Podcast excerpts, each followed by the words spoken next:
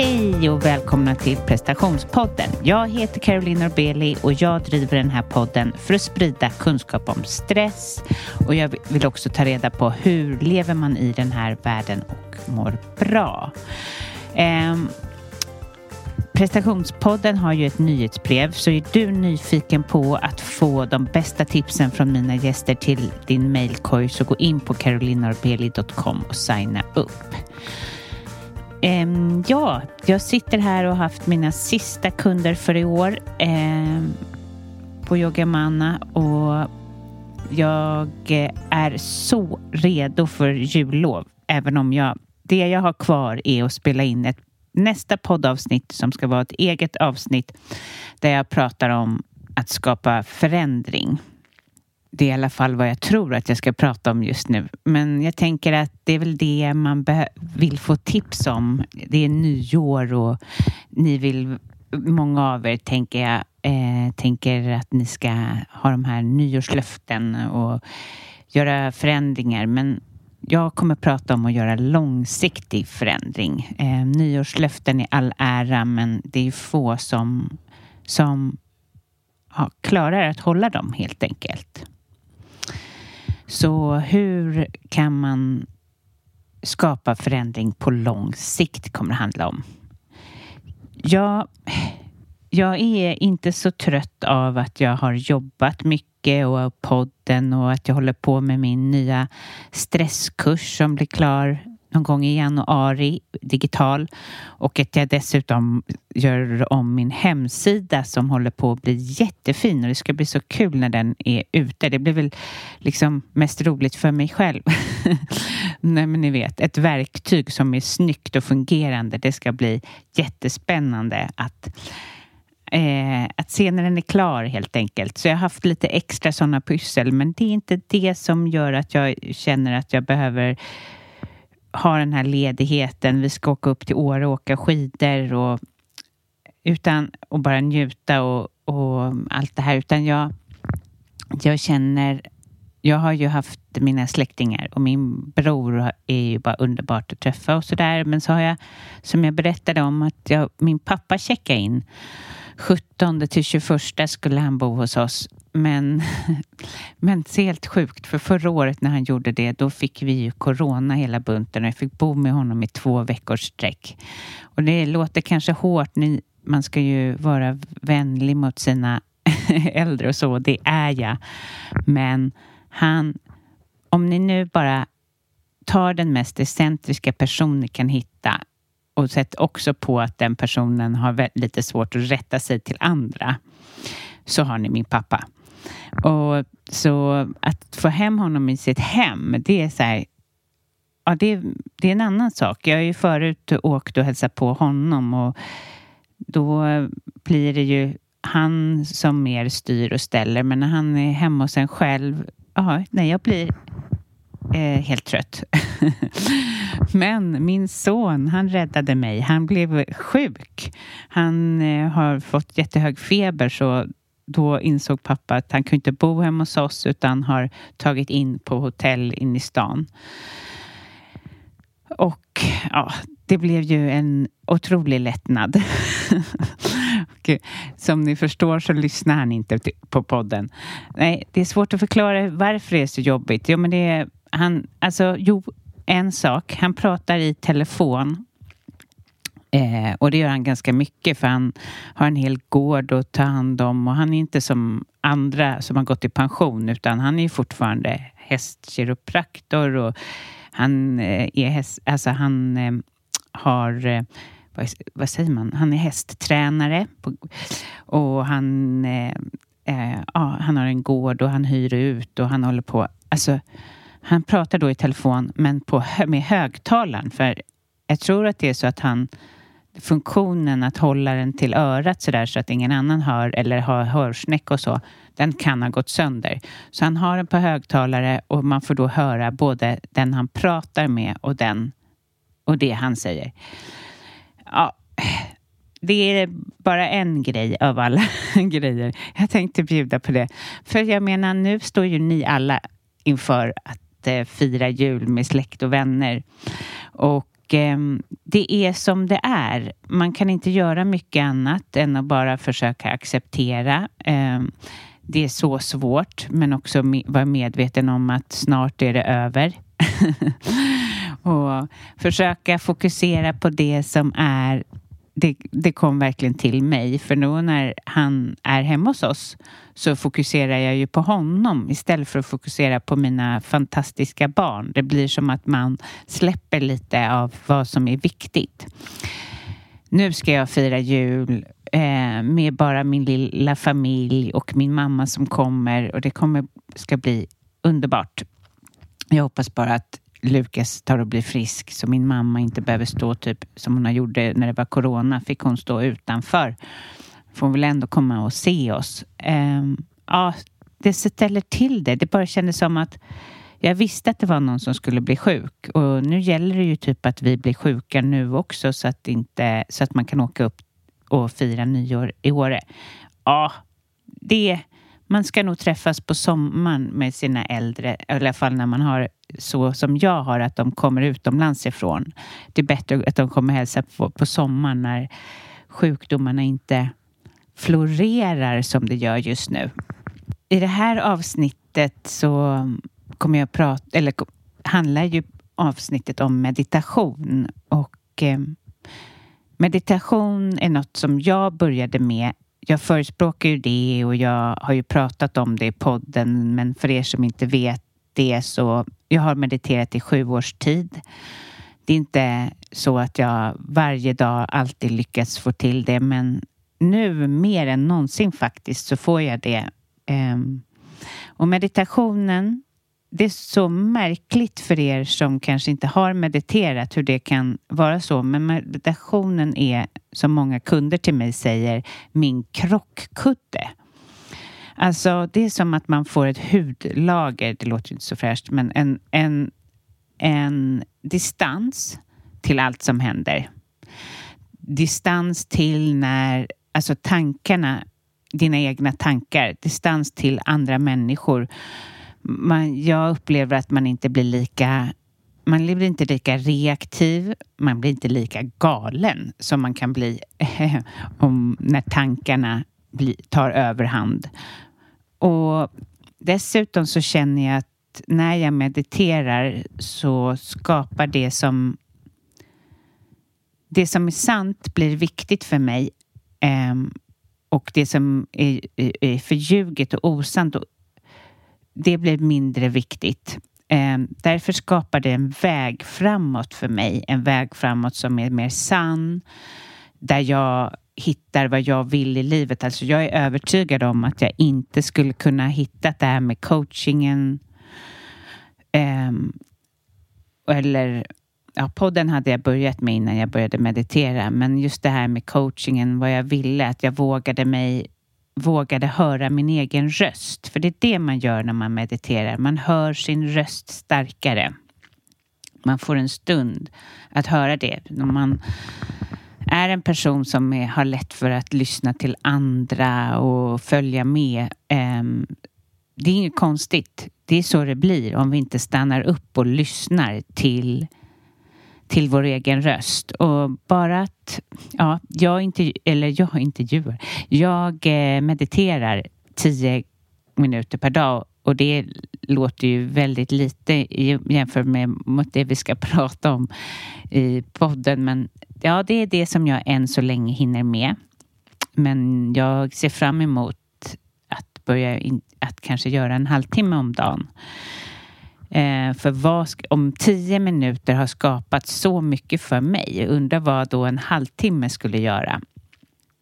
Och eh, det var faktiskt så att när jag inte visste vad jag ville i livet, när jag jobbade på reklambyrå eller jag hade slutat där och visste inte vad skulle jag, jag hade bara lyssnat till andra. Då var det min coach som sa till mig att börja, eh, börja meditera. Så jag använde mig av något som heter Headspace och satte mig ner varje kväll och mediterade tio minuter. Till slut växte min röst så stark vad jag ville göra. Eh, att jag ville jobba med människor och att det råkade bli då just coachingen som skulle passa. Så ja, vill du ge dig själv en riktigt bra julklapp så tycker jag mitt bästa tips är att börja meditera. A lot can happen in the next three years. Like a chatbot may be your new best friend. But what won't change? Needing health insurance. United Healthcare Tri Term Medical Plans are available for these changing times. Underwritten by Golden Rule Insurance Company, they offer budget friendly, flexible coverage for people who are in between jobs or missed open enrollment. The plans last nearly three years in some states, with access to a nationwide network of doctors and hospitals. So, for whatever tomorrow brings, United Healthcare Tri Term Medical Plans may be for you. Learn more at uh1.com.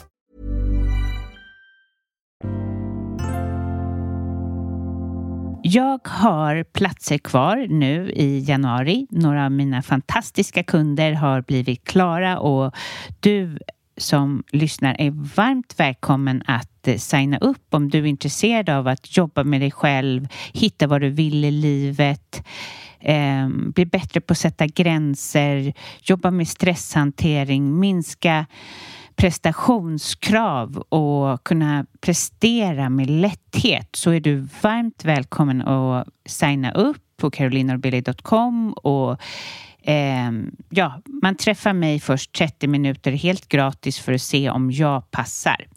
Så gör det, signa upp. den bästa julklappen till er själva måste ju vara att åka med på mitt retreat till Deja den 24 till 27 maj. Och det är i Deja är en plats som är svårt att beskriva för den är så otroligt fantastisk och det är allt från bergen och till haven till eh, ja, dofterna till, ja, det är någon magi där. Och dessutom bor vi i ett fantastiskt hus med kock som lagar jättegod mat och hälsosam mat och så yogar vi. Eh, och vi anpassar yogan efter vandringen och vi vandrar i de här fantastiska bergen. Så vill du följa med så signa, nej, inte signa upp, ja, eller gå in på carolinorbeli.com och eh, lämna en intresseanmälan så hör jag av mig.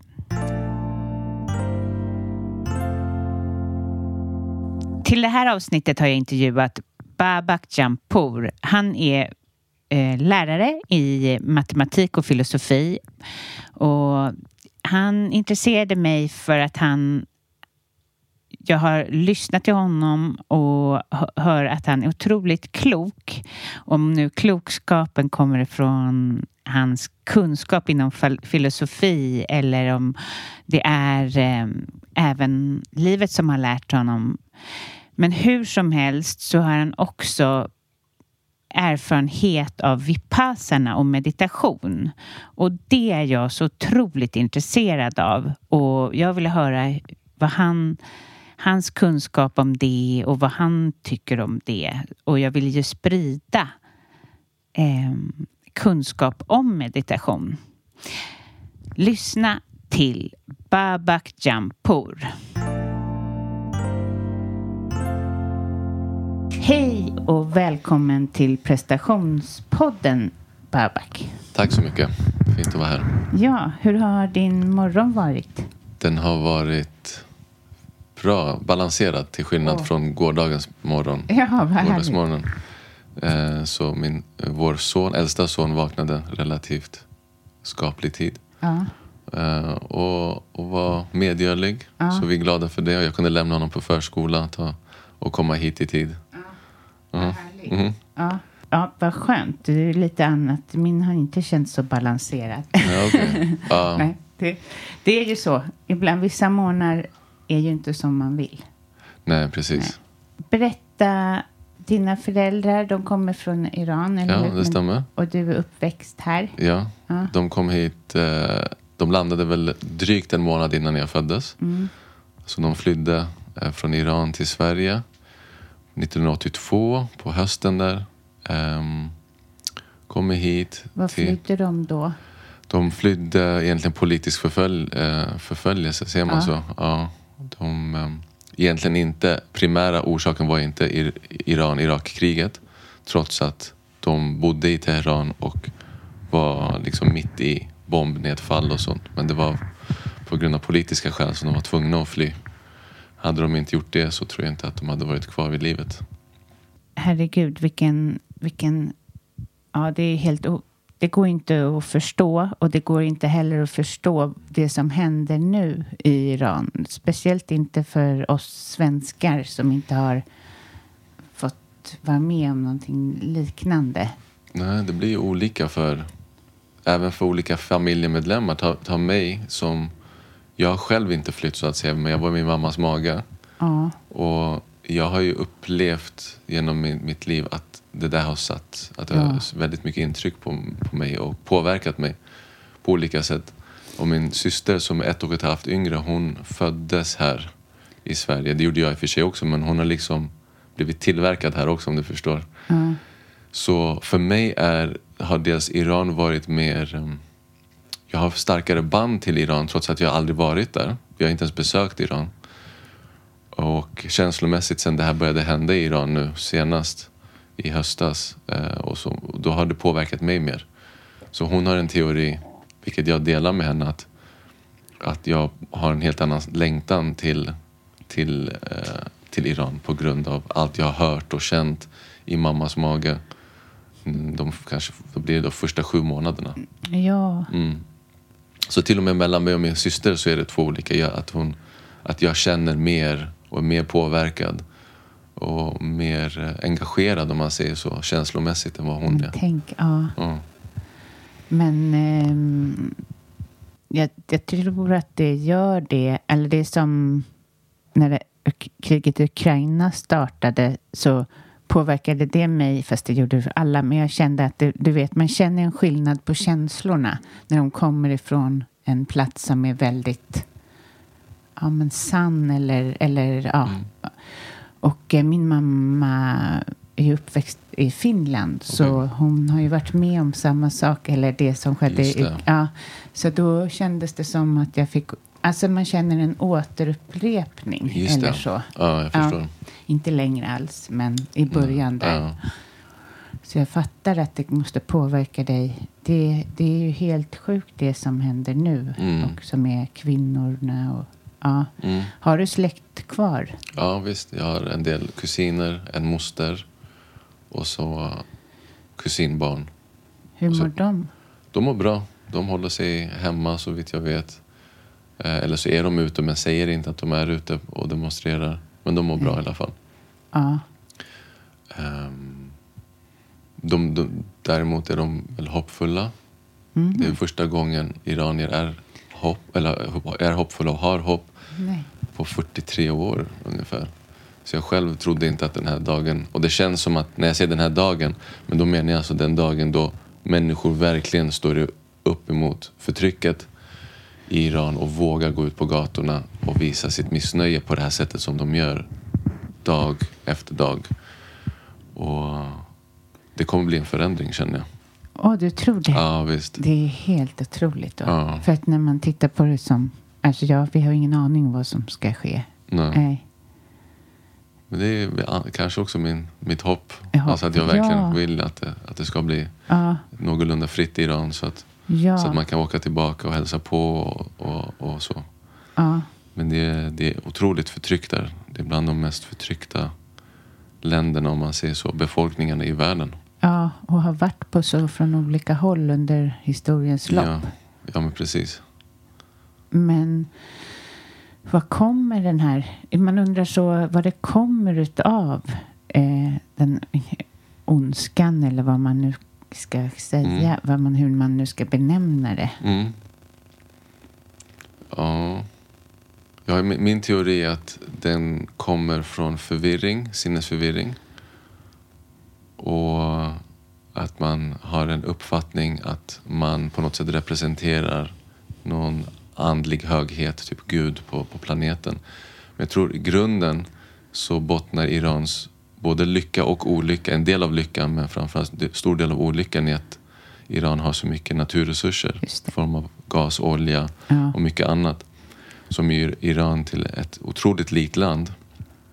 Och som vi vet eh, med historien, liksom har facit i historien så är man, har man mycket naturresurser så lämnas man inte i fred. Varken av inhemska eh, exploatörer eller utländska. Ja. Så Iran har liksom utsatts för båda under sin moderna historia i alla fall. Och nu har vi då inhemska eh, exploatörer, eh, ett prästerskap, människor och inte bara prästerskap men även fundamentalister som tror att de gör rätt och att de gör rätt i att verkligen suga ut eh, Iran på alla dess tillgångar och inte återinvestera det i Landet. landet utan tar ut faktiskt pengarna till utländska banker till stor del. Så det är ett enormt eh, grovt klassamhälle eh, som nästan skulle kunna klassas vid... Nej men det är ett enormt klassamhälle som, Ja. som i, i grunden ligger till, Jag tror att det är grunden till den stora eh, misären i Iran. Att, att det inte finns någon eh, balans i... i det finns ingen jämlik balans liksom i, res, i, i resurser. Så Nej, att säga. En, oj, otroligt. Ja. Men du tror att den här revolutionen med kvinnorna kommer spela över på annat också?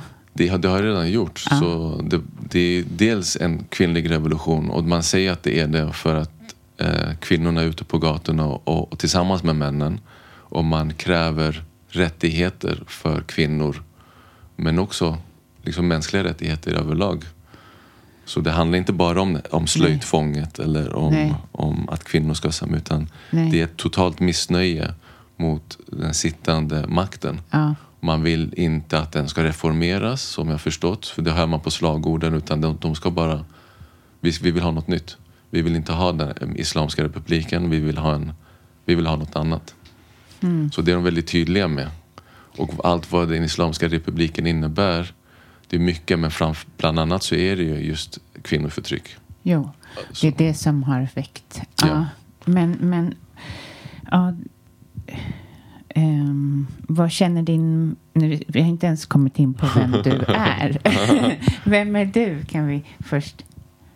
Så ja, men jag heter Babak Jampur. Jag eh,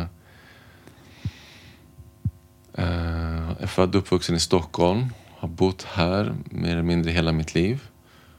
Tycker om att, att jobba som lärare sedan 2007. Gymnasielärare.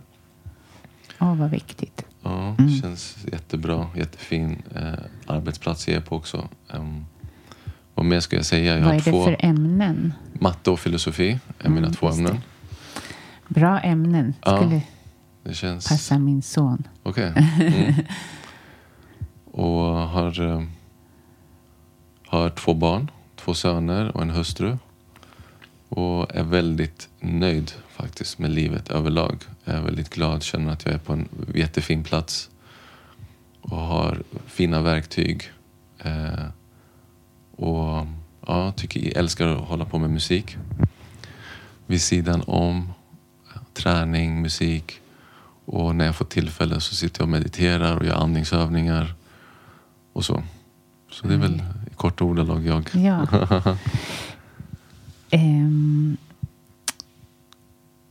men då, jag tänkte, du fortsätter prata om din bakgrund eller Ja. din, dina föräldrars bakgrund. Alltså det är bara så aktuellt så det är svårt att ha Ja. dig här utan att prata om just det. Mm. Men hur känner din mamma i allt det här? När, alltså det måste som kvinna vara helt otroligt att det här sker, eller? Jo, absolut. Men jag känner också att hon inte tillåter sig vara alltför hoppfull. Nej. Om man säger så. Men hon är otroligt glad för det som händer. Samtidigt sorgsen för också det som Alla händer. som dör. Alla Ja. som dör, precis. Också är vi, och inte bara hon och jag, men väldigt många har ju, är sorgsna eller ledsna och besvikna på makthavare, eh, regeringar, politiker utanför Iran som inte stöttar protesterna och människorna och kvinnorna i Iran tillräckligt. Som man upplever det. Eh, Så det finns sådana känslor också i henne. Av besvikelse. Och det, det blir så lätt att man blir lite cynisk av sig. Att man upplever att, att politiker och makthavare mm, är mer intresserade av att få tillgång till Irans naturtillgångar och kanske bibehålla vissa affärsband istället för att kritisera den här regimen och, och sanktionera dem och så vidare. Men eftersom det här är en podd om prestation och stress så tänkte jag höra så här, ja men vad säger man, är du andra generationens Ja, invandrare? Just det. Att vara det, Mm. hur har det påverkat dig och din ehm, inställning till prestation? Mhm. Det är en bra fråga. För eh, det finns. jag har ju liksom alltid fått höra att som andra eh, generationens invandrare eller första generationen. Ja. Men hur som helst, som den du är i alla fall med utländska föräldrar så behöver du prestera mer. Eh, eventuellt, du behöver också... Du kan inte göra lika många misstag i andras ögon om man ser i ett klassrum som elev då. Som barn så fick jag ofta höra det att om du liksom gör ett misstag så räknas det som, eh, som att någon annan har gjort kanske Tio. ja, tio Ja. eller fem eller så. Ja. Så se till så att du inte blir eh, liksom utdömd eller dömd för, för dina negativa handlingar. Så det är något jag har försökt vara medveten om men det är svårt som busigt barn. Ja, Jag gjorde massa olika misstag ändå. Men vad gäller prestation i alla fall så var det faktiskt något som jag bar med mig i hela min skolgång. Dels tyckte jag väldigt mycket om skolan och att studera tyckte jag om. Det var något, någon ro jag fann i att sitta och läsa och sen sitta, skriva prov. Men jag vet också att det var kopplat till att få så kallade bra betyg, höga betyg för att känna mig trygg. Och för att skapa någon trygghet för mina föräldrar. Framförallt min pappa då som eh, jag upplevde blev trygg av att okej det går bra för vår son och då kommer det, Går bra det kommer oss. gå bra för oss. Och vad jag har lite mött på är känslan av att eh, nu har vi tagit dig till det här landet. Mhm. Här har du fått en, du har fått en helt, eller kanske inte att de säger så, men att eh, känslan för andra generationens invandrare är att här är jag i Sverige, här finns alla möjligheter. Och när, om jag bara går till mig själv, om jag hade den känslan så skulle jag känna Oho, vad ska jag göra av det här? Hur ska jag hantera det här? Och, eh, och känner du igen dig i det? Jo, absolut. Och det har jag hört också. Nu har du chansen. Vi hade inte de här chanserna som du har. Ja, Vi önskar att vi hade de här chanserna. Min mamma tog förvisso en del chanser som hon egentligen inte hade. Hon skapade dem själv. Men de, de erbjöd oss så mycket. Allt från att de eh, satte mig på musikklass och min syster, eh, alltså pianoklasser. Och det var inget jag valde själv men det var något de valde åt mig och de ville det på grund av att de inte fick det som barn. Eh, de här klassiska, att man lever ut sina drömmar genom sina barn. Och jag är väldigt tacksam för det idag. Men då var jag inte lika tacksam. Men eh, som du säger, att eh, jag fick höra det där väldigt mycket och någonstans så så fanns det inget annat för mig. Min syster blev, hon gick faktiskt på skola precis bakom här, på, på tyska skolan. Mm. Och jag blev inskriven där också, blev antagen. Och det var också av samma anledning antar jag, att man ville, framförallt från min mammas håll, att hon ville att vi skulle gå på en av Sveriges då bästa så kallade skolor. Det var en privatskola på den tiden. Eh, men jag fick, jag gick inte där. Eh, men min syster gick där ändå. Och det är också av prestationsskäl.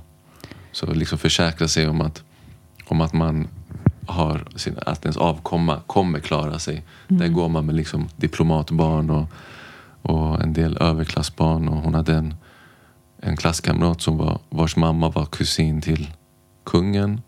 En annan klasskamrat vars pappa var bästis med kungen. Ja. Typ så. Och då kände min mamma sig antagligen trygg i det. Medan jag gick igen, kollade, eh, eh, vad heter det, kontrasten. Jag gick i kommunalskola i Husby. Så vi bodde i Husby, men syrran gick här i stan på Östermalm. Eh, och ja, tufft för henne. det var jättetufft faktiskt. Hon ville inte det. Hon, eh, någon av sina år. Hon gick där alla 13 år tror jag det. Shit. Men hon ville alltid sluta. Precis som jag ville sluta med piano så ville hon sluta gå där. Men Ja, hon blev kvar. Och i slutändan så är hon väldigt glad för hon, hon har väldigt goda vänner därifrån. För de gick ihop. Många av dem har känt varandra sedan de var sju år. Och gick i samma klass från första klass till trettonde klass. ja. Ja. Ja, men precis. Och jag, du, ehm, du lär ju ut filosofi. Just det. Vad är det som intresserar dig? Av- Med filosofin Ja. så är det, det är egentligen hela mänsklighetens idéhistoria. Alltså hur vi människor, för jag är också intresserad av så mycket annat som har med historia och framförallt med medvetandet att göra. Så mycket kan, det går ju tillbaka till hur medvetandet har utvecklats, vad medvetandet överhuvudtaget är. Eh, kopplat till frågor om vad verklighet är. Och sen när jag började studera så började jag faktiskt studera kunskapsteori och det blev också väldigt intressant för mig. Vad, vad är egentligen kunskap? Hur konstrueras kunskap? Eh, och sådana frågor. det är många punkter i, eh, eller liksom rubriker inom filosofin som, som var av intresse också. Liksom så kallade problemet med den fria viljan drev mig dit. Så det var som att jag visste ju inte att jag skulle studera filosofi. Utan jag hade blivit antagen till lärarhögskolan med ett inriktning matematik, didaktik. Och så när jag skulle välja andra eh, ämnen så, så blev det bara naturligt att jag måste välja det som jag tycker är som mest intressant. Och det jag verkligen kan väcka så många tankar som möjligt i klassrummet. Och jag upplever att filosofi är just det ämnet som, som är så stort så att det dels kan väcka mycket eller för en del elever och studenter så dämpar det för att det blir för stort för dem faktiskt. Det blir för stora frågor på väldigt kort tid så att tyvärr så blir de, eh, de blir som musslor. Eh, De känner att det att de inte vill investera den tiden. Men det är i alla fall det som drog, drog, drog mig till i filosofin. Ehm, har du haft perioder i livet då det har varit väldigt stressigt eller vad tog dig till det vi ska prata om idag, eh, nämligen meditation och vipassana? Jo, absolut. Jag har haft perioder, dels när jag flyttade hemifrån, eller när vi splittrades, vår så kallade familj. Vid 20-årsåldern så bodde jag i en eh, lägenhet själv. Eh, Det var väldigt stressiga tider för mig för jag visste inte vad jag skulle plugga. Jag hade slutat på KTH där jag hade pluggat innan. Mm, det var tider och någonstans låg det kvar tills med vuxen ålder eh, det är 2016 där jag upplevde enormt mycket stress och det har med kopplat till massa saker som hände på, eh, på, i mitt privatliv som, eh, som stressade upp mig. Och, och det ledde mig då till vipassana meditation. Egentligen så ledde det mig till att jag tog mig till Indien. Tog tjänstledigt och tog mig till Indien för att jag trodde någonstans att det skulle eh, jag skulle hitta svar där i liksom min ensamhet och i min yoga, eh, min, i min yoga som jag utövade. Så skulle jag gå eh, en andra kurs i reiki. Jag trodde reiki också skulle vara en, en del i, i, som skulle hjälpa mig. Men eh, varken yogan eller reikin egentligen tog mig så djupt som jag behövde. Så jag var fortsatt, fortsatt väldigt stressad och frustrerad under den tiden som jag var i eh, Indien. Ja, Utövade du reiki som reiki-healer då? Ja, precis. Dels på mig själv, eller främst på mig själv och så lite på andra. Men eh, jag slutade... Nej, jag hade inte ens börjat i kurser såklart. För jag hade bara gått reiki 1 innan jag gick tillbaka, eller åkte tillbaka till min reiki-lärare och ville gå reiki 2. Gjorde det. Och så tyckte hon att jag skulle gå de sista två kurserna också. På plats. Och då tänkte jag, men det här är perfekt. Om jag blir liksom reikimästare då måste jag ha helt koll på mina egna energier och kunna balansera dem. Um, men så blev det inte. För reiki är ju en healingform. Ja, Ja, men precis. där man med handpåläggning. Ja, precis. Det kan vara handpåläggning. Det kan, man kan också göra på distans. Mm. Men i främsta hand så är det handpåläggning. Ja. Men det nådde aldrig ditt liksom inre och kärnan av problemet. Nej, absolut inte. Och det gör, jag tycker inte att det gör det än idag. Även om jag liksom går jobbar med det på mig själv så upplever jag att den, den är mer på ytan så Jag att säga. också. Ja, det är mera en massage. Eller? Ja, men precis. Lite ja, så. Ja, Massage, en varm strumpa eller Ja. socka typ. Eller precis. typ som att dricka varmt te ibland. Eller ja. lite medicin. Det är lite som eventuellt eh, kanske. Men det är också min Alvedon, Ipren. Ja. Det är min värktablett. Det, jag använder inte dem så mycket men jag reikar mig själv. Mm. Och 99 av 100 gånger så blir jag av med min smärta. Eller om jag är täppt i näsan eller vad det kan vara. Så så funkar det. Men jag gör ingenting åt själva orsaken. Nej, inte det inre. Nej. Så, ja, och yoga kanske också då är, för det är ju något man måste göra hela tiden kontinuerligt. Så det är ju inte Mm. heller att det når den inre kärnan av den smärta man bär på eller vad Just man det. ska säga. Nej. Nej. Men eh, okej, hur, kom, hur kom du till eh, meditation? Jag upplevde att jag behövde det. Det var som ett kall jag hade haft i minst ett års tid. Och mm, kände en enorm frustration under den här eh, tiden.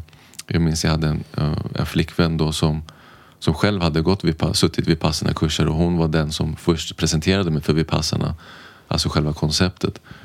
Och hon tyckte att jag skulle eh, lära mig meditera. Men eh, jag, och jag, jag hörde henne men jag visste inte hur jag skulle gå tillväga såklart. Just vid passen, det var just där, där hörde jag det först och sen hörde jag det av en, av en vän eh, om Vipassana. Då var det så, ah, just det, jag har ju hört det här. Eh, är det den här tio dagar i tystnad och så vidare. Och då, och sen tredje gången gilt, det var när jag fick höra av min syster som skulle sitta en kurs här i, i Sverige. Mm-hmm. Och då, då bara slog det mig att, och för då förklarade hon ännu mer om vad det handlar om. Och då slog det mig att det här är, det är något jag vill göra. För jag förstår att det är det här jag behöver. Och när jag kom till, till Indien då så sökte jag faktiskt en kurs där i södra Indien. Blev antagen men eh, tackade nej på grund av att jag kände att jag inte ville sitta just där. Mm, men det var väl jag skulle säga på ett esoteriskt plan att min själ eller mitt högre jag, om man nu får använda de orden på din podd. Ja. Det var någonting inom mig som visste vart, vart jag skulle komma. Jag visste vad, vad Vipassana var innan jag visste, innan jag visste det så att säga.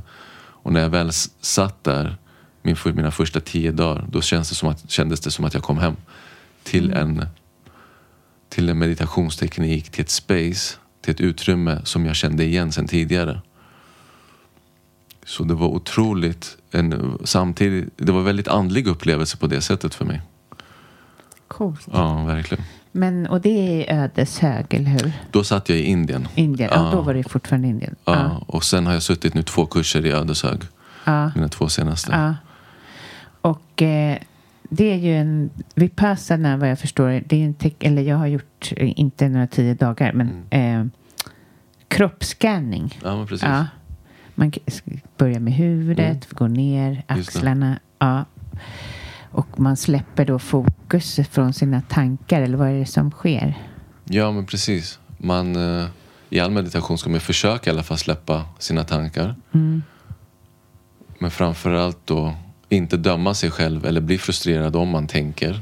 Nej. Utan bara få gå tillbaka till meditationstekniken, till övningen. Men framförallt så, så kan man ju se medita- vipassana meditation till skillnad från viss annan meditation. Det finns ju många olika typer. Men vipassana är förutom en, liksom att det är en klassisk meditationsteknik så är det också en form av operation in i kroppen och sinnet. I vilken man, om man utövar det korrekt så blir det som att man verkligen får komma in på djupet. På det absoluta djupet av vem man är. Och få uppleva eh, allt från trauman, återuppleva trauman, smärta, kan till och med vara glädje som är lagrade i, i liksom på cellnivå. Gud vad Och- härligt. Ja, det, det är väldigt intensivt eh, men otroligt frigörande. Och, och härligt såklart. Ja. Mm. Men ehm, jag tänker så här.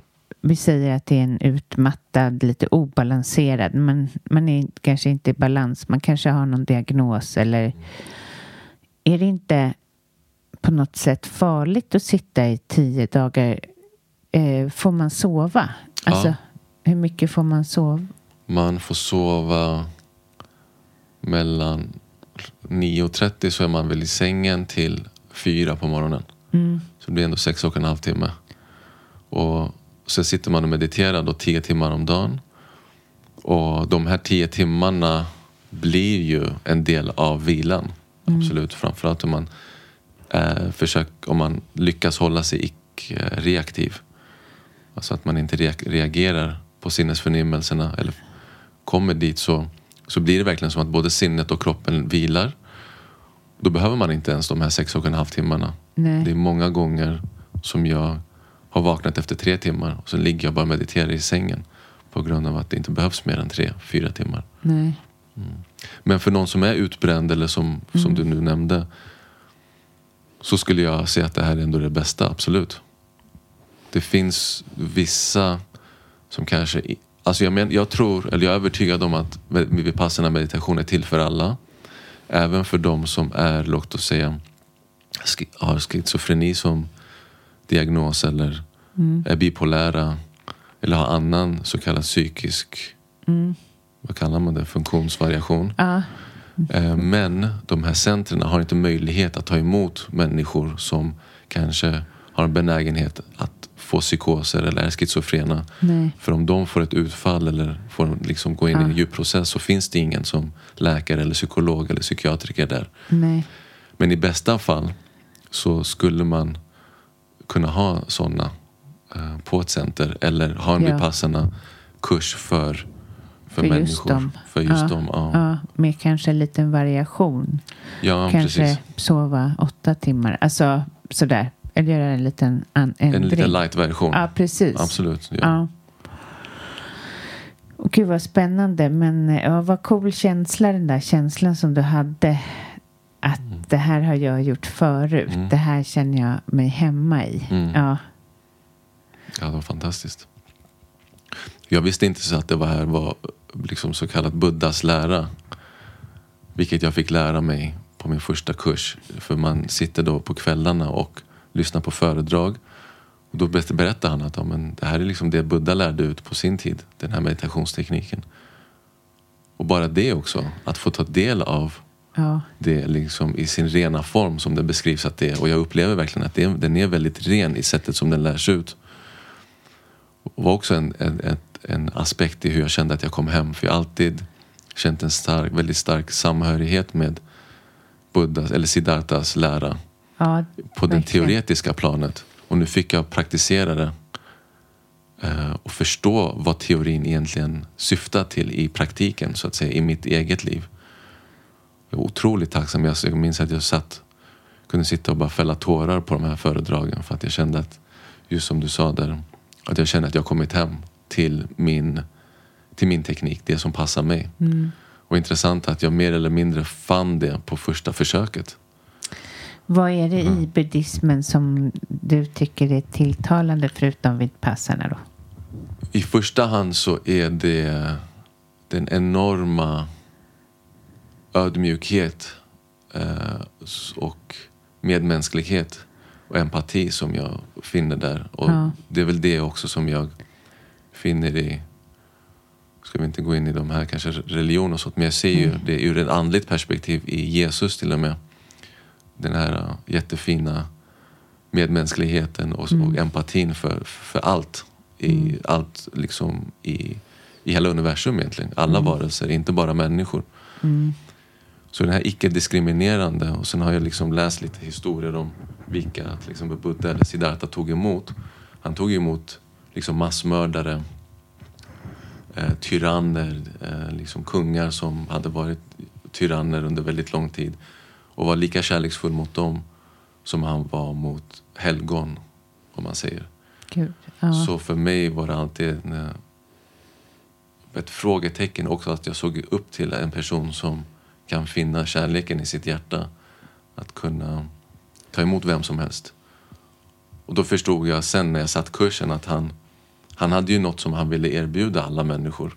Alltså Dhamma som de kallar det, eller vipassana meditation i kombination med förståelsen för, för för ens plats i naturen och hur, hur vi passar meditation då kan fungera som en teknik i vilken vi renar våra sinnen. Så han hade en enorm present han ville ge till alla och då förstår jag också att, och inte nog med det, han hade ju såklart, han besatt den här oändliga kärleken mm. som, som jag såg upp till.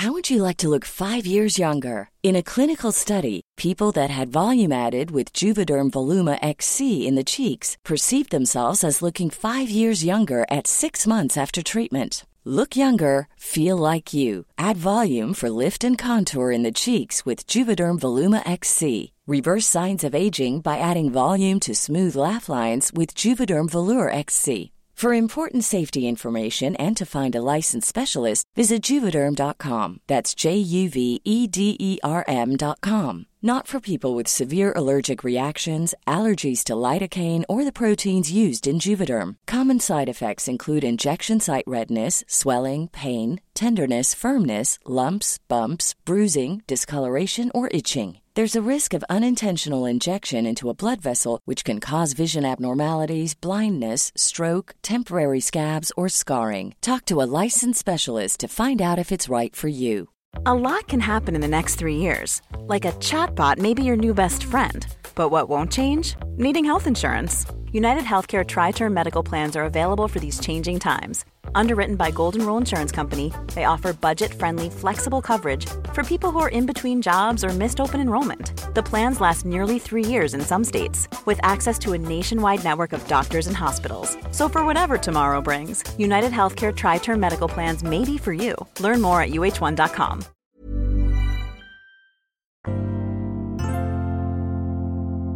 När det gäller meditation, vad är, gör det med dig? Det gör en massa olika saker.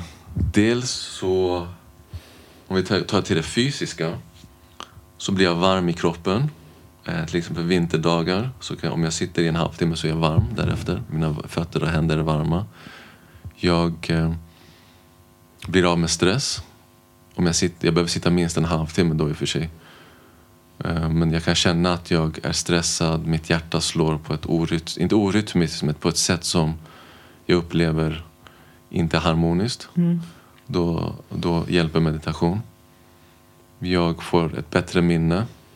Jag kan komma ihåg saker och ting i meditationen. Ja, det kommer ju upp. Ah. Så men gud, jag har inte skrivit till den där kunden. Kan ah, komma upp. Som, man har, mm. som har legat begravt mm. i, ens, eh, ja, i ens minne. Mm. Ja. Så det här nu berättar jag egentligen vad som händer när jag sitter mina halvtimmen till timme. Om jag får tur så får jag sitta en timme i min vardag. Men generellt så är det en halvtimme och då är det mer att jag liksom skrapar på ytan på det sättet. Men när jag sitter längre perioder som jag brukar göra på kurser, då är det ju... Ska jag förklara? Det är, det är som jag beskrev det innan, att det är verkligen som att jag går in i mitt, i mitt vara, i vem jag är som person, min identitet och alla människor som har bidragit till mig och till att jag får vara här och gå in i mina relationer, möta mig själv i relationerna. Mm, ibland och ganska ofta eh, ser jag att det kanske finns sår eller att det finns missförstånd någonstans eller att det har funnits och du kan gå in där och läka det. Eh, men det är jättemycket det gör. Eh, mycket läkning. Det är ju det egentligen som jag skulle säga är den främsta syftet för min egen del. Att det läker på, så många, på, på det djupaste planet men också expanderar på djupaste planet. Så mitt medvetande skulle jag uppleva är mer expansivt nu än vad det var när jag, innan jag satte igång eh, med vipassana meditation. Mm.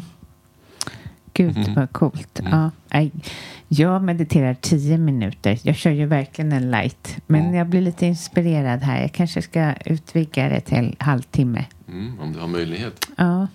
Eh, ja, det har jag ju kanske några dagar i veckan, men ja. inte alla. Det är svårt.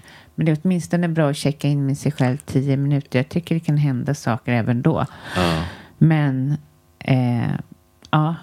Ja, jag ska gå vidare med det här. Ja. Fick en jättebra, eh, jag vet inte vad de heter, heter de mem eller? Meme, mem. Sån här bild som man blir skickad till på WhatsApp. Ja. Då var det en bild i alla fall på en buddhistisk munk och så var det en text över. Det stod så här. Om du inte har tio minuter tid för meditation om dagen och sen texten under så behöver du en timme meditation. Ja. Så då brukar jag tänka om jag är för stressad eller känner att jag inte har tillräckligt för en halvtimme. Då behöver jag egentligen mer än så. Ja, ja verkligen. Mm. Ja, jag upplever ju att eh, meditation och många av mina kunder pratar kring det, att det blir som en krockkudde. Mm. Alltså man får ett lager mot världen. Mm. Man kommer liksom närmare sig själv, får ett skydd. Ja, precis. Eh, och ehm, det, ja, det funkar så bra på mig och det är otroligt Mm. att, eh, att man inte kommer längre med att man, att man bokar upp sig så. Jag har ju Mm. ändå jag är ju eget företag. Jag kan ju Mm. bestämma mina egna tider. Mm. Ja, men, men det här kommer bli en nyårslöfte. Ja. Mm. Ja, jag är så, ja, jag är så otroligt övertygad om att, att det är det här vi ska hålla på med. Ja. Men jag läste någonstans att vi passar te tekniken. Eh, Mm. Det är typ som att eh, den är till för att göra, göra slut på mentala orenheter. Mm. Eh, och, där, och på så sätt kommer man till lycka. Just det. Ja. Och då tänker jag det du beskrev där, att du ser olika saker. Du ser kanske dig själv i hur du är i relation till andra. Mm. Man är ju inte alltid god. Mm. Alltså så, så Ja. man får syn på det. Det. Och eh, dessutom att du får syn på ja, trauman Mm. då. Eh, och det är de där mentala orenheterna. Ja, det är så fascinerande. Ja, verkligen. Ta ett exempel på mental orenhet. Låt oss säga avundsjuka. Ja, Ja, och, eh, och sen tänker man utan att ge sig hän åt att verkligen göra ett djuparbete. Man kan väl antagligen göra det i andra sätt också. Mm. Men vi tar nu meditation, vipassana som, som teknik då. Jag tror att jag inte är avundsjuk och sen sitter jag på fjärde dagen, femte dagen så helt plötsligt så får jag upp en scen eller känslor av avundsjuka kopplat till låt oss säga något som hände när jag var yngre. Och sen tror jag att den känslan egentligen är borta bara för att jag inte är kvar i den situationen. Men så har jag gått runt och burit på den känslan. Och jag tror att känslor har någon form av överlevnadsinstinkt. Att jag kanske var avundsjuk som barn och idag så försöker jag kanske förtrycka min avundsjuka. Men de dyk, den dyker ju ändå upp. Och när den väl dyker upp, jag kanske är tillräckligt medveten om den att jag säger till mig själv, nej det är klart du inte ska vara avundsjuk på din bästa vän för att han har, låt oss säga, kör en Lamborghini. Eh, och sen försöker jag resonera med mig själv och tror att jag inte är avundsjuk. Men känslan uppstår. Och så vet jag inte hur ska jag få bort den här känslan. Till slut kan man vara frustrerad och bara, Ja. varför blir jag avundsjuk varje gång eller svartsjuk? ja verkligen. Och vad ska jag göra åt det? Ska jag söka hjälp? Och för mig var det så att jag verkligen sökte hjälp. Inte bara av avundsjukas skäl utan mycket annat. Och då blir det så att av något, på något, inte magiskt, för jag tror att det någonstans jag har förstått det, men i början så var det magiskt för mig hur att bara observera känslorna och inte reagera på dem gav upphov till att de evaporerade på något sätt. Försvann. Att de försvann, ja. Men gud vad härligt. Ja. Jo, men för ja, det avundsjuka är ju inte en syn eller en känsla som man vill känna någonsin. Inte mot sin bästa vän eller... Det. Ja, fascinerande. Mm. Gud, undrar hur han, Buddha, kom på hur, hur han kom till själv att det här skulle... Mm. Han, Ja, jag är... han måste ju ha hört av någon annan. Han kan väl inte bara ha gått och satt sig... som jag har förstått av att ha liksom studerat en del. Eh, det är att Buddha, han var ju liksom en prins ändå. Så han, fick, han fick otroligt mycket kunskap. Han fick lära sig meditation som, från barnsben. Och de djupaste formerna, man kallar dem så här, olika nivåer av samadhi. Och han nådde ända upp till en åttonde eller nionde till och med. Vilket de liksom, de, den traditionen finns inte kvar i Indien eller i världen. Nej. I vilken man ens lär ut åttonde och nionde formen av samadhi. Så han kunde liksom... Och sen dessutom så var de ju hinduer, som man kallar det. Så han var ju väldigt skolad i de här religiösa skrifterna. Bhagavad Gita, Rigveda. Upanishads och så vidare. Så någonstans, och hade han väl antagligen, tänker jag, testat alla former av yoga och meditation som fanns. Och så säger de att han återupptäckte den här tekniken. Att det här var en teknik som hade funnits i Indien tidigare. Och, men att han förstod vad tekniken kunde leda en till. Och vilket det gjorde för honom. Så det var först när han började använda sig av tekniken som han når upplysning. Um, så svar på din fråga, inte för att jag besitter svaret men bara för att återge det hur Ja. jag ser det. Liksom ur, min egen, eh, ur mitt perspektiv är att han var en otroligt lärd människa redan från början. Hade ett enormt mycket resurser. Så det var ju egentligen ingen, liksom, jag tror ofta så glömmer man det. eh, För jag tror berättelsen eller sagan om, om Siddhartha vill också säga det. Eller det säger det till mig i alla fall. Att för att kunna nå de här djupen så behöver vi ha resurser. Vi behöver vara mätta på det världsliga. För det första. Vi kan inte bara bestämma oss för att vi ska bli upplysta men ändå ha en åtrå eller ett begär. Utan han hade liksom fått uppleva allt det där och kände att jag är trött på det. fått... Det har ju vi alla fått här i Sverige också. Att vi är Inte alla, men vi är väl mätta på väldigt mycket. Vi borde vara mätta. Vi borde vara mätta men det är vi inte och det ser Nej. vi ju hur vi konsumerar Ja, och, Men det och en- stressnivåerna som finns för att vi känner att vi måste uppfylla oss själva hela tiden, dag Ja. för dag. men det är ju för att eh, vår omvärld säger att vi inte är mätta. Nej. Men egentligen, Buddha hade ju tyckt att han var mätt om han var en medelsvensson här i, i Sverige. Det, det skulle jag tro ändå att han ja, hade upplevt. ja, Ja. För jag tror någonstans att hans själ, eller han pratade inte som själ, så för att kalla det som han kallar hans energier, var, eller hans medvetande Mm. snarare, var tillräckligt moget för att inse att det här är inte den rätta vägen för mig att gå. Nej. Oavsett om han hade bott i Sverige nu eller i Indien för 2500 år sedan. Har du någon tips på någon bra bok eller eh, om man vill läsa om ett buddhismen? Eller det kanske, du har inte förberett dig på det så att, Nej, precis. Jag har, inte, jag har ju läst en del men jag vet inte riktigt. inte exakt. Men, men det finns väl mycket. Ja, Men har, finns det något om vipassarna som man kan läsa in sig på? det finns jättebra eh, böcker om Vipassana. Ehm, och jag har läst dem faktiskt på, på Vipassana-centret. Aha, Ehm, så jag vet inte man riktigt. kan nog söka sig till det jo, också. men det finns en jättebra bok om buddhism. Som jag skulle säga den bästa som jag har läst. Ja, Den, heter på eng- den finns bara på engelska. Mm. Och den heter What the Buddha Taught. what Buddha taught. Ja, Ja. Och jag kan väl skicka ett sms så kan du få med det. I länken. Ja, i länken. Ja, då kan vi göra det. Då lägger jag det i länken på det här avsnittet. Mm. Ehm, och sen, sista, min sista fråga. Mm. Varför tror du att vi är så stressade här i Sverige? Ehm, vi bränner ut oss. Vi har allting. Mm. Vi har överflöd. Mm. Ehm, de flesta. Det finns Mm. folk som inte har det i Sverige också. Men den stora massan. Mm. Men ändå så är vi inte lyckliga. Äter en, en miljon äter antidepressiva och Mm. otroligt många mattar ut sig. Mm. Vad, är- är det någonting här i Sverige? Vad, vad, vad säger du? Jag tror inte att det bara har med Sverige att göra såklart. Nej. Mm, Men jag ska besvara på din fråga för jag ser det såklart i Sverige. Men det är någonting som vi ser generellt runt om i världen. Eh, runt om i städer framför allt. Eh, så kallat i västerlandet. Men inte bara i väst utan vi kan ju hitta det även i Kina. I storstäderna i Indien.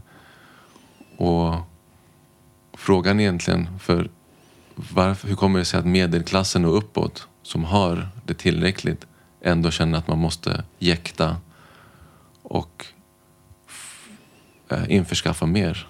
Och att man på något sätt, man, vad man gör är att man offrar sitt eget liv, sin egen tid, sin egen sinnesro för att få en bättre bil eller nyare modell på bil och, och så vidare. och så vidare. Och där tror jag att det ligger i, nat- i liksom sinnets natur. Att när den inte är tränad, när den inte är harmoniserad så, så, bä, så, så blir det bara så. Det ligger i naturen Så av saker och ting. bra. När den är reaktiv, Ja. den har inte mediterat, den har inte suttit där. Den Nej, är exakt. ute där på gränsen och blir stimulerad av media och annat som säger köp, köp, Ja, men köp. Och då säger ni som lyssnar, jag köper, jag köper. Ja. Eller hur? Ja, men exakt. Och det bottnar i att man inte heller... Precis, jag håller med dig att det, sinnet är reaktivt. Den är hela tiden på gränsen. Den är inte på djupet. Och vi får inte lära oss, och vi har inte lärt oss vilka vi är. Vi har inte liksom bara blundat. Vi kanske gör det när vi ligger i shavasana i slutet på yogakursen och när vi sover. Men vem är jag egentligen? Och vad vill jag egentligen? Har jag någonsin lyssnat på vad jag vill? Eller gör jag saker och ting? Har jag liksom utbildat mig? Jobbar jag för, för mina föräldrars skull? För samhällets skull?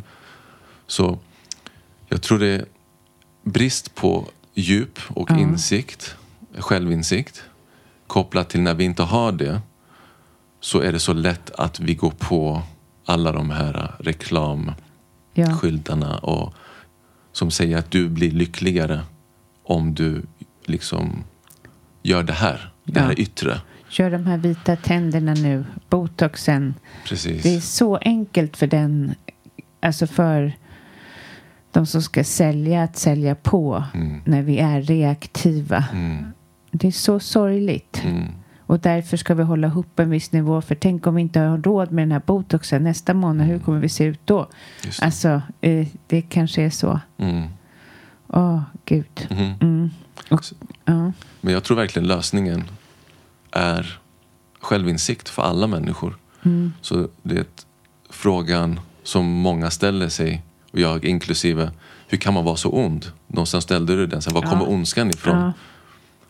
Jag, jag kan inte se något annat svar i att de här människorna brister i självinsikt. Mm. Och vad menar jag med självinsikt? Alltså verkligen gå in på djupet och inse att det är egentligen vem, vem man är. Och, man, och då blir man väldigt ödmjuk inför att. Um, så Vipassana, för att nämna det, jag tror det är, är övertygad om att det är en teknik för alla och det är ett sätt för alla som verkligen ger sig hän åt tekniken att, att kunna bli av med det här reaktiva, i alla fall få lite mer bukt och, på, på det reaktiva sinnet och bli av med de här orenheterna som hat, ilska, avundsjuka, svartsjuka. Och per automatik blir man mer harmonisk och då Ja. behöver man inte lika mycket för att uppleva lycka och glädje. Nej, men för oss då som inte kan åka på Vipassana, alltså kanske för att andra möjligheter, begränsningar. Vi kommer inte komma riktigt dit. Nej. Men det finns ju på nätet. Jag vet att jag har suttit och, och då har det varit någon kvinna som har lett en vipassana meditation och det funkar ganska bra att sitta hemma och testa och öva och se om man blir sugen på det. Ja, Ja. det finns jättemånga olika. Eh, Jag har lyssnat på en australiensk kille som har 10 minuters, 30 minuter och även en timmes sittningar där han guidar. Så det finns väldigt många olika klipp på Youtube. på Ja. nätet. Ja. Ja. Tack snälla för att du kom hit och det är jättehärligt att få höra om dig och om Vipassana. Ehm, ja, jättehärligt. Du eh, inspirerar med din klokhet och jag fattar. Jag har nämligen en fråga här. Hur kommer det sig att du är så klok? För att jag har lyssnat till andra poddar där du varit med. Ja. Men jag förstår att det är filosofin, eller hur? ja, Och eh, meditationen, kanske livet som har format dig. det, det måste ja, det är livet. Ändå jag är ju, min omgivning har ju ändå skapat, liksom varit med Ja. och format mig. Mm. Så tack till mina föräldrar, tack till mina alla lärare Ja, och Sverige, Och- 80-talet och och, motstånd. tidigt 90-talet. och, så allt motstånd. Och allt motstånd. Ja. ja. Okej, tack snälla. Tack själv. Tack alla ni som lyssnar. Tack om du sprider podden. Jag blir superglad om du har tid att gå in och lämna en recension och eh, ge podden fem stjärnor om du tycker så. Eller kanske bara dela med dig till vänner som behöver. Men framförallt så vill jag ju önska dig god jul och vi hörs innan det nya året. Men god jul och njut av ledigheten.